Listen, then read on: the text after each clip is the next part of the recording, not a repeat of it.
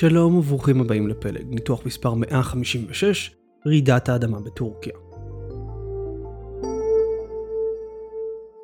בשעות הבוקר המוקדמות של 6 בפברואר 2023, רעידת אדמה בעוצמה 7.8 פגעה בדרום מערב טורקיה וצפון מערב סוריה.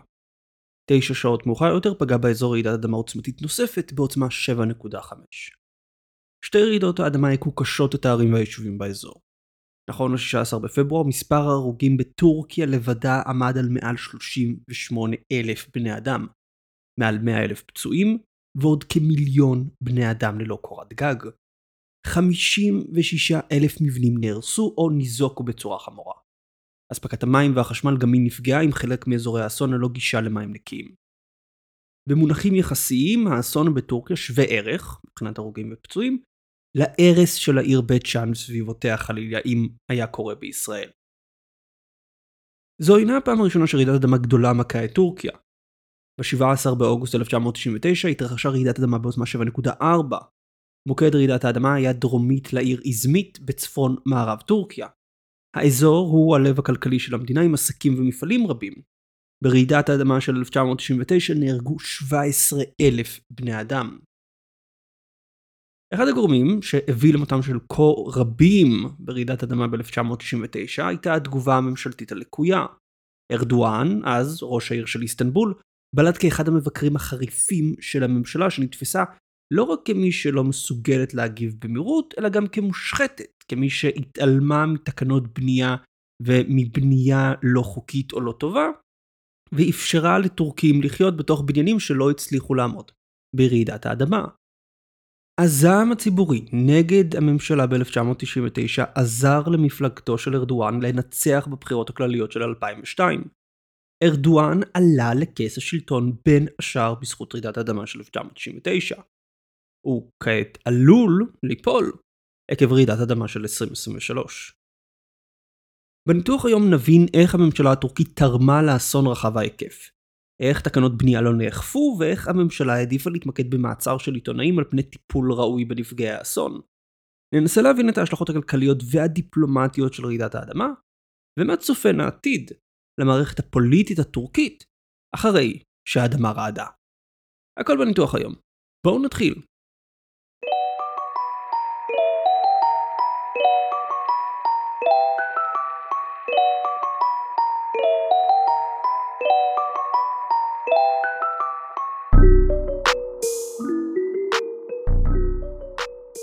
בעקבות רעידת האדמה של 1999 שופרו מאוד תקנות הבנייה העוסקות בעמידות מבנים ברעידות אדמה.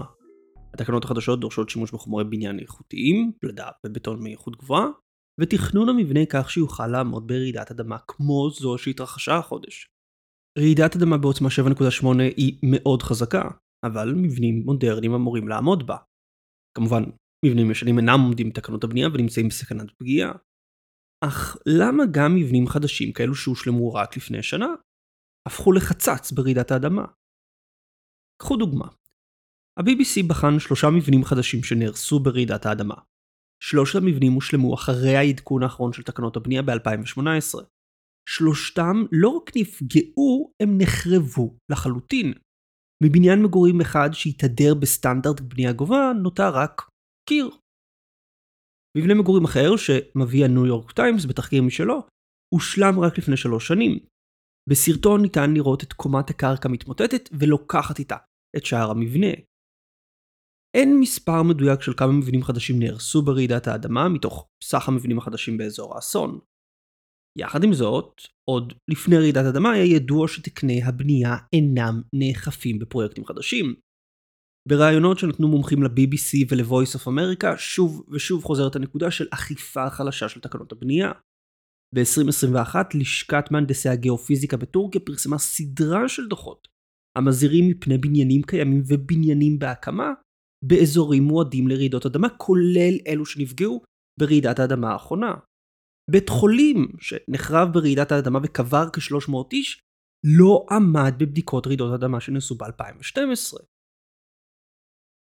חלק מההסבר להיעדר אכיפה הוא פשוט שחיתות.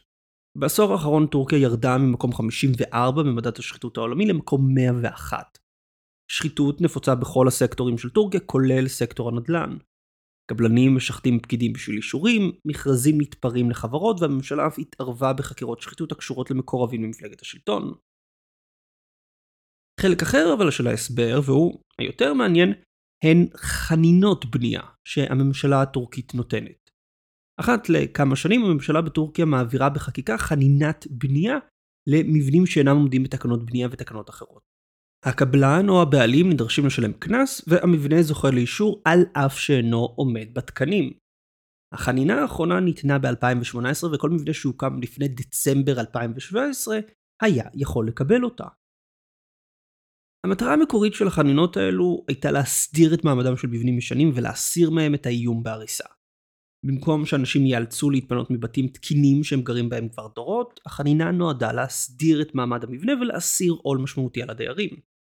אולם החנינה הפכה לדרך של הממשלה הטורקית לעכל את העול הרגולטורי על סקטור הנדל"ן בטורקיה.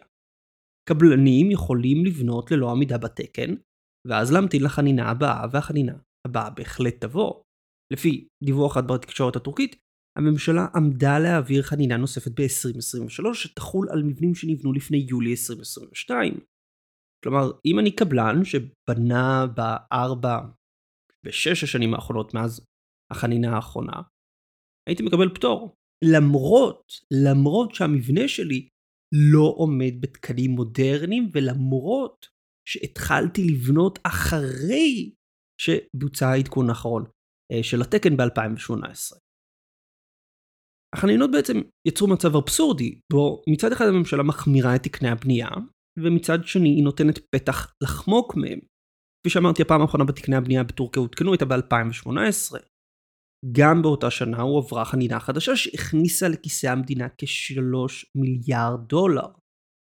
אגב, לא מן הנמנע ששני הדברים הולכים ביחד. המדינה מחמירה את תקני הבנייה בשביל להגדיל את מספר המבנים שצריכים חנינה, וכך היא גם זוכה בנקודות בדעת הקהל על החמרת התקנים, הנה, היא דואגת לבטיחות האזרחים. היא גם זוכה בנקודות על כך שהיא נותנת לאנשים פתרון בזכויות בצורה של חנינה, והיא גם מרוויחה מיליארדי דולרים. והיקף החנינות הוא עצום. לפי הערכה של הממשלה מ-2018, כמחצית מהמבנים בטורקיה אינם עומדים בתקני הבנייה הנוכחיים, ארדואן מתועד בסרטון מעצרת בחירות ב-2019 שהוא מתגאה שהחנינה עזרה ליותר מ-100 אלף תושבים באחת הערים שנפגעו ברעידת האדמה האחרונה. כמה מאותם אנשים שעזרו להם נקברו תחת ביתם. עכשיו אחרי שהאסון קרה המדינה כמובן יוצאת לטפל בעברייני הבנייה. המשטרה הוציאה 113 צווי מעצר נגד אישים הקשורים למבנים שהתמוטטו ברעידת אדמה. קבלנים שעמדו לברוח בטיסה נעצרו בנמל התעופה. סביר להניח שאותם קבלנים ישמשו כשעיר לעזאזל. הממשלה תמקד את השיח הציבורי באחריות האישית של אותם קבלנים לאסון, בעודה מתעלמת מהמדיניות שאפשרה אותו מלכתחילה.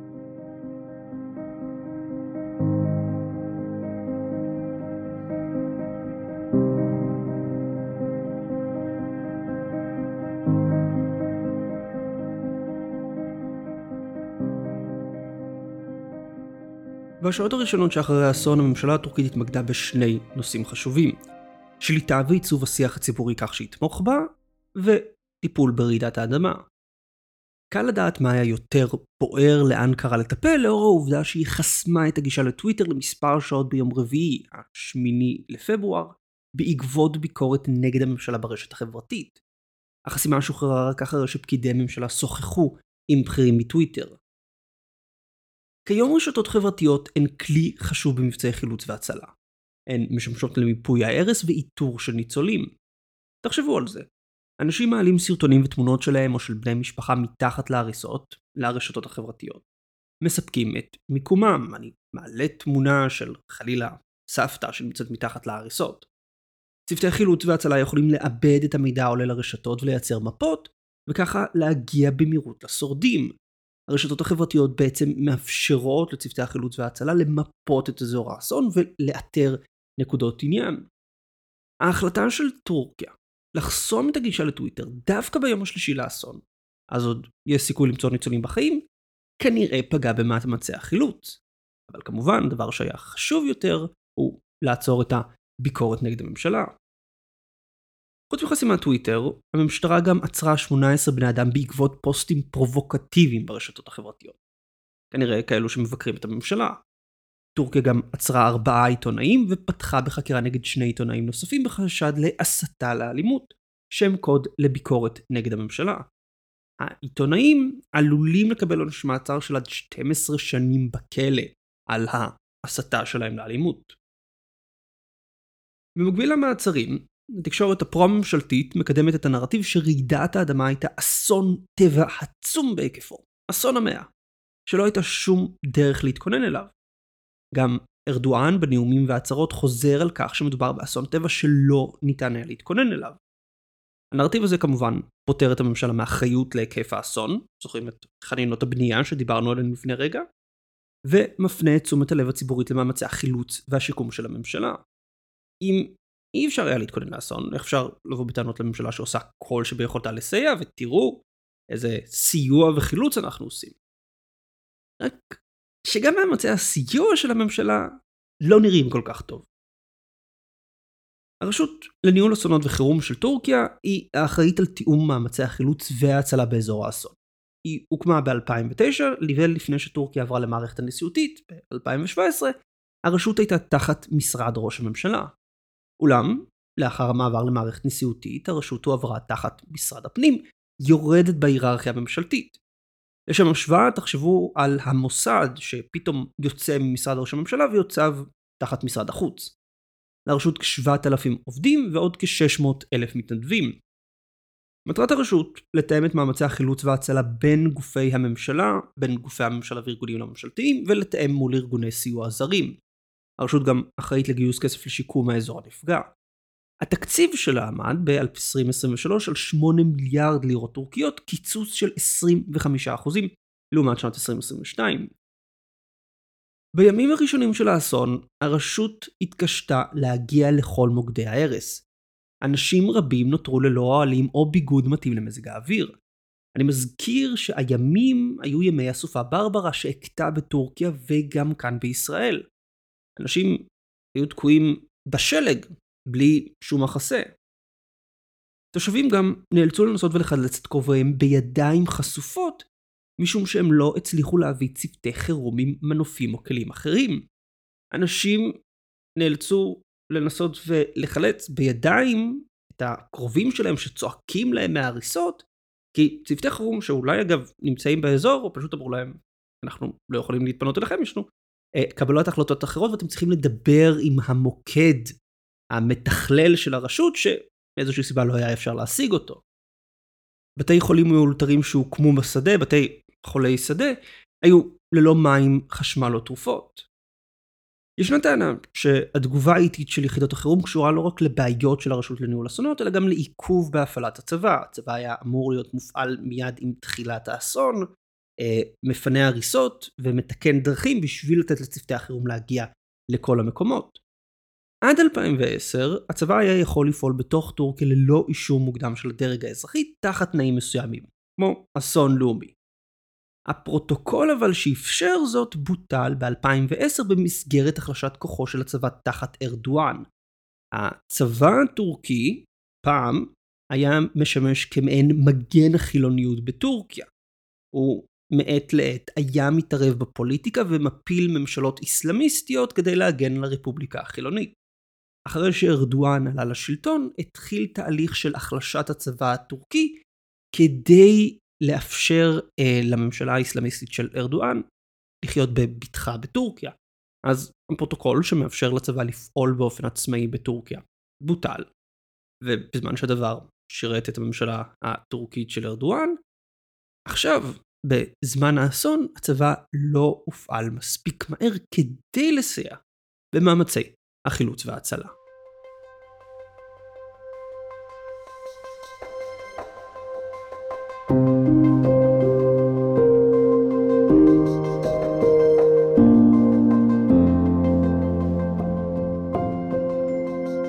עבור ארדואן תזמון של רעידת האדמה הוא אומלל. בעוד פחות מארבעה חודשים הטורקים יצאו לבחירות לפרלמנט ולנשיאות באמצע יוני או מאי השנה. הבחירות של 2023 הן קריטיות לארדואן משום שהן יכולות לתת לו לכהן עד 2033, תחת החוקה הנוכחית לפחות. לפני יותר משנה דיברנו על חשיבות הבחירות בניתוח מספר 96 של הניסוי הכלכלי של ארדואן. טוב שנחזור על מה שדיברנו בשביל להבין את ההקשר הפוליטי של רעידת האדמה. בחירות 2023 יכולות לאפשר לארדואן לכהן עד 2033 אם יצליח להשיג רוב של שלוש חמישיות מהפרלמנט. הסיבה נעוצה בחוקה הטורקית. תחת החוקה הנוכחית נשיא לא יכול לכהן יותר משתי כהונות, אלא אם הפרלמנט פיזר את עצמו לפני שהסתיימה כהונתו השנייה.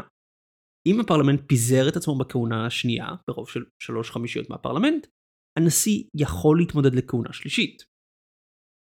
ארדואן נבחר לראשונה לנשיא טורקיה ב-2014. חוקה חדשה לטורקיה התקבלה ב-2017 וארדואן נבחר מחדש לנשיאות ב-2018. היה דיון אם ארדואן בכלל יכול לרוץ בבחירות של 2023, אם הוא כרגע מכהן בכהונה השנייה שלו. נבחר פעם ראשונה ב-2014, נבחר פעם שנייה ב-2018.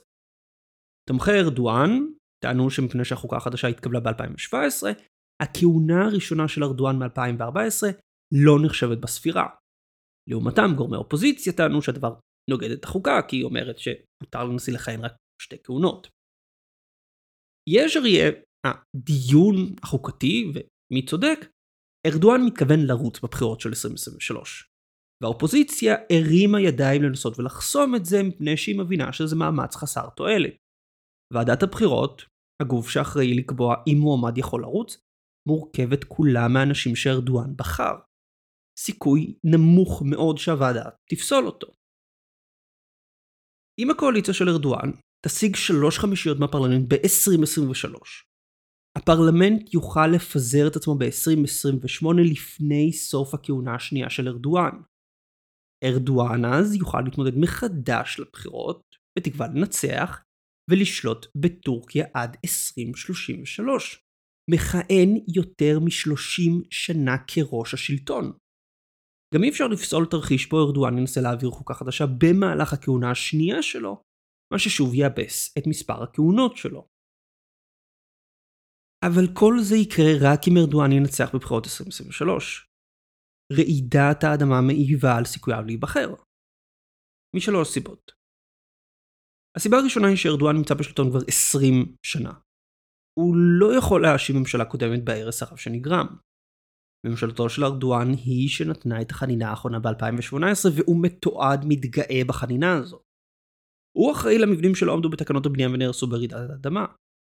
הוא ינסה להפיל את האשמה על קבלנים מושחתים, אך אין ספק שחלק מהאשמה תדבק גם בו.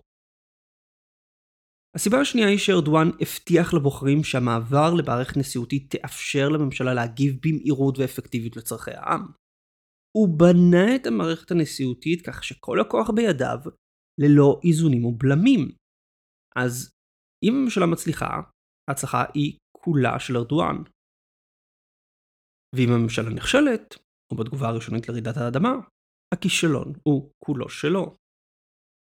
והסיבה השלישית היא שרעידת האדמה התרחשה במעוזים של מפלגת הצדק והפיתוח של ארדואן. בשלוש מתוך ארבעת המחוזות ארדואן זכה ברוב הקולות בבחירות האחרונות. ההרס הרב עלול שלא לאפשר לקיים בחירות באזורי האסון, מה שיפגע ברוב הפרלמנטרי של מפלגת הצדק ובסיכויי הזכייה של ארדואן לנשיאות. עכשיו, כרגע נראה שעל אף רעידת האדמה הבחירות כן התקיימו, אם במאי או ביוני, התאריך עדיין לא הוכרע. חבר קואליציה אחד הציע לדחות את הבחירות עקב רעידת האדמה, אך האופוזיציה דחתה את ההצעה כלא חוקתית.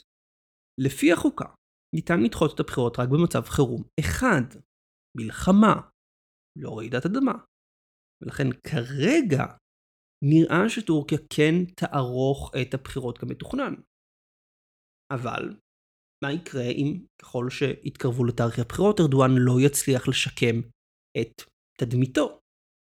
האם גם אז הוא יהיה מוכן לקיים את הבחירות ביוני או במאי, או שמא יחליט לדחות את הבחירות ולנסות ולהסיט את תשומת לב הציבור למשהו אחר, להצלחה של הממשלה, וככה לשפר את הסיכויים שלו לנצח בבחירות שהן קריטיות עבורו.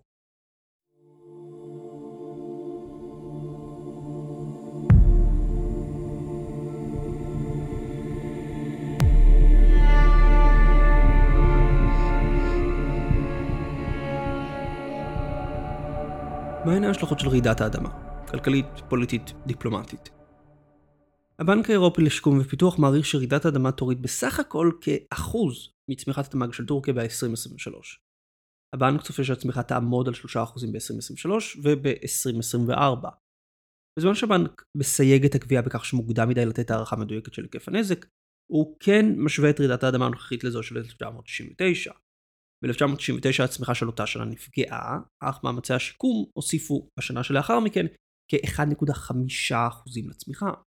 הבנק מעריך שהפגיעה הכלכלית שנגרמה עכשיו, בתחילת השנה, תפוצה על ידי צמיחה כלכלית שתגיע עם שיקום ההריסות בהמשך השנה.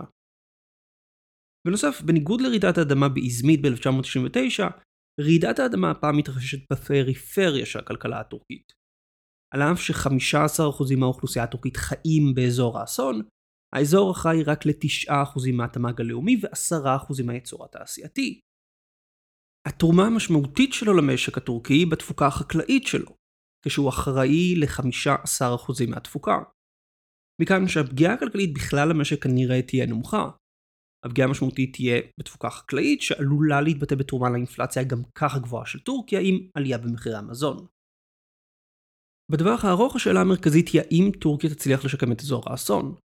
הערכות בקרב כלכלנים וקבוצות עסקיות בטורקיה עומדות את היקף הנזק בין 5 ל-10% מהתמ"ג, בין 40 ל-80 מיליארד דולר. המדינה הטורקית התחייבה להשקיע כ-5 מיליארד דולר במאמצי השיקום. הבנק העולמי הודיע שיעמיד 780 מיליון דולר לשיקום האזור ומכין עוד מיליארד דולר בסיוע. ארה"ב התחייבה לסייע בערך 85 מיליון דולר, והאיחוד האירופי מתכוון לארגן כנס תורמים. גידול בהוצאה הממשלתית, כחלק מאמצי השיקום, עלול גם הוא לתרום לעלייה באינפלציה. בזירה הפוליטית, ארדואן השתדל למקד את השיח הציבורי בתגובה הממשלתית לאסון ובמאמצי השיקום, בעודו מטיל את האשמה על אחרים, לדוגמה קבלנים מושחתים. האופוזיציה תרצה להתמקד באחריות הממשלה ותנסה לחמש את האסון כדי לפגוע בתמיכה בארדואן ומפלגת השלטון לפני הבחירות.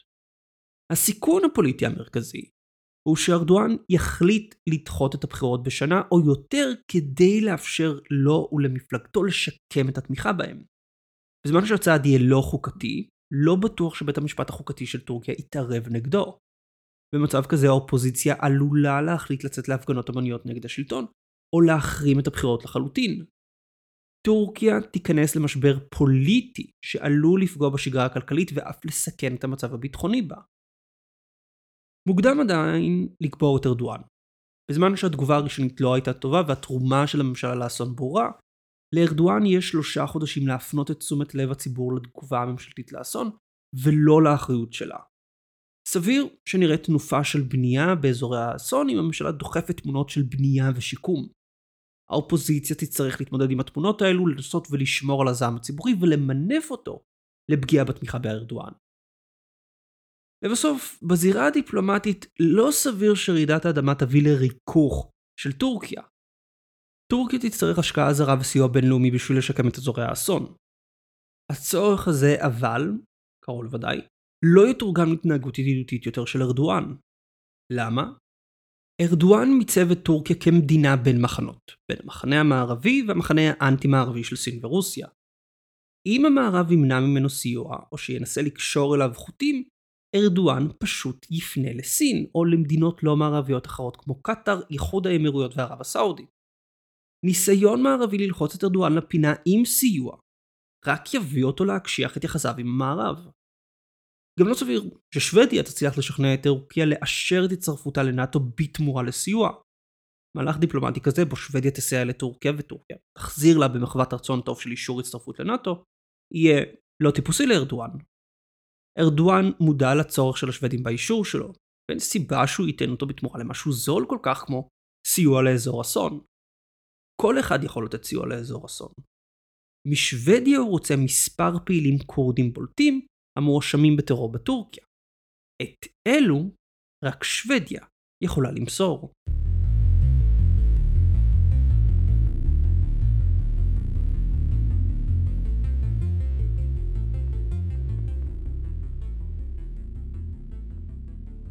רעידת האדמה בטורקיה יכולה להפוך את המערכת הפוליטית בה מן הקצה אל הקצה.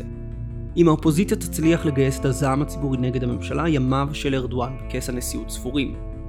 אם ארדואן יחוש שהוא בסכנה, הוא עלול להחליט לדחות את הבחירות ולהסתכן במשבר פוליטי לאומי. האדמה הפיזית כבר טולטלה בטורקיה. כעת מגיע תורה של האדמה הפוליטית.